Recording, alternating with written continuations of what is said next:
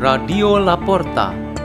The door is open for you for the growing of knowledge and wisdom of God.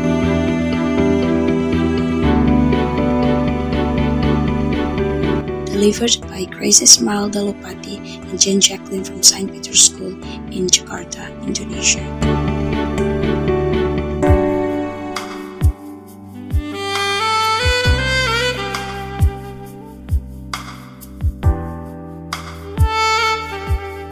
Reading and meditation on the Word of God on Wednesday of the second week of Lent, March 16, 2022.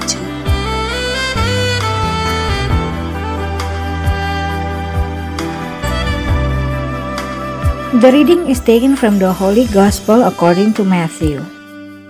As Jesus was going up to Jerusalem, he took the twelve disciples aside by themselves and said to them on the way, Behold, we are going up to Jerusalem, and the Son of Man will be handed over to the chief priests and the scribes, and they will condemn him to death and hand him over to the Gentiles to be mocked and scourged and crucified, and he will be raised on the third day.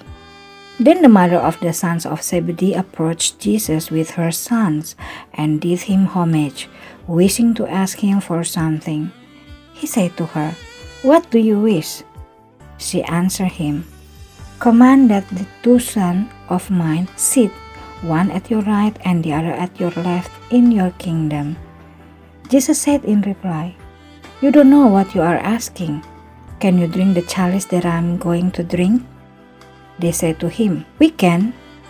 He replied, My chalice you will indeed drink, but to sit at my right and at my left, this is not mine to give, but is for those for whom it has been prepared by my Father. When the ten heard this, they became indignant and at the two brothers. But Jesus summoned them and said, You know that the rules of the Gentiles lord it over them, and the great ones make their authority over them felt. But it shall not be so among you. Rather, whoever wishes to be great among you shall be your servant.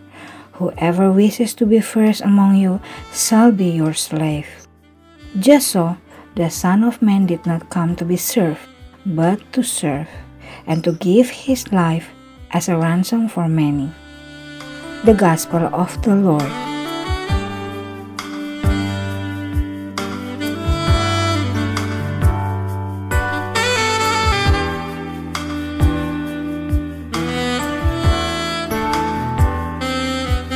Our meditation today has the theme Motivations, Growth, and the Following of God's Will. Jesus' question to the mother of the two apostles from Zebedee's family What do you want? is the entry point to the understanding about the compatibility between the will of God and the desire of man to follow him. Jesus' vision for the salvation of mankind through the way of the cross and suffering attracted the attention of many followers, including the two apostles. Like other disciples, many other followers, and also we who are now listening to his words. These attractions reinforces our motivation to follow Christ. Through attraction as an initial stage, which brings to the faith and ability to follow Him, a suitability will be a good outcome. The Lord wills in these directions, and we heed His call, then follow Him. The expressions like I like, or I'm interested, or I'm ready, I want, is usually our response to the call and invitation of the Lord. For example, when the praising of the Word of God really gives new insight and inspirations, someone then exclaimed, Yes, I realize in myself and I agree to what God wants from me. These expressions indicate the suitability that has been just mentioned. This initial stage then lead us into the next one, which is the motivation that drives one's interest and love. We don't have from the beginning just only one motivation. We need to check the initial motivation and to ensure that it is still original or remain as such from enhancing the suitability or has indeed changed. One's motivation can change along the change of the times and one's own desire. Every individual's freedom is to be influenced by circumstances and surroundings that will affect one's motivation to follow the will of the Lord.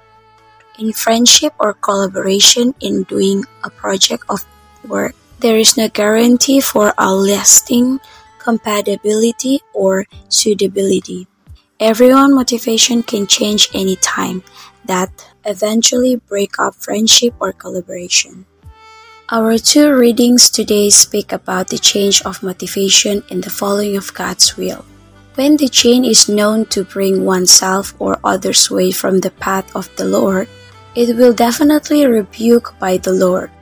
The prophet Jeremiah was strongly confronted by those who sought to destroy him. God was on his side, and he did not doubt about it. But at the same time, he requests that God should does his harm and punish his opponents as well. The two brothers of Zebedee's family agreed to follow Christ, but they were encouraged to find a special and precious place in the kingdom of God. So it should be clear for us all here as we constantly examine our motivation to believe and to be faithful to Christ. We will find that there is a change of our motivation in the course of time. Our liturgical readings today show that the change of motivation happened in order to prioritize the interests of one's own satisfaction and not for the following of God's will. We know very well the consequences for those who do not follow the will of the Lord. Let's pray. In the name of the Father, and of the Son, and of the Holy Spirit. Amen. Lord Jesus Christ, increase our faith that we may have the right motivation in the path to follow you. Our Father, who art in heaven, hallowed be thy name. Thy kingdom come, thy will be done, on earth as it is in heaven. Give us this day our daily bread, and forgive us our trespasses as we forgive those who trespasses against us.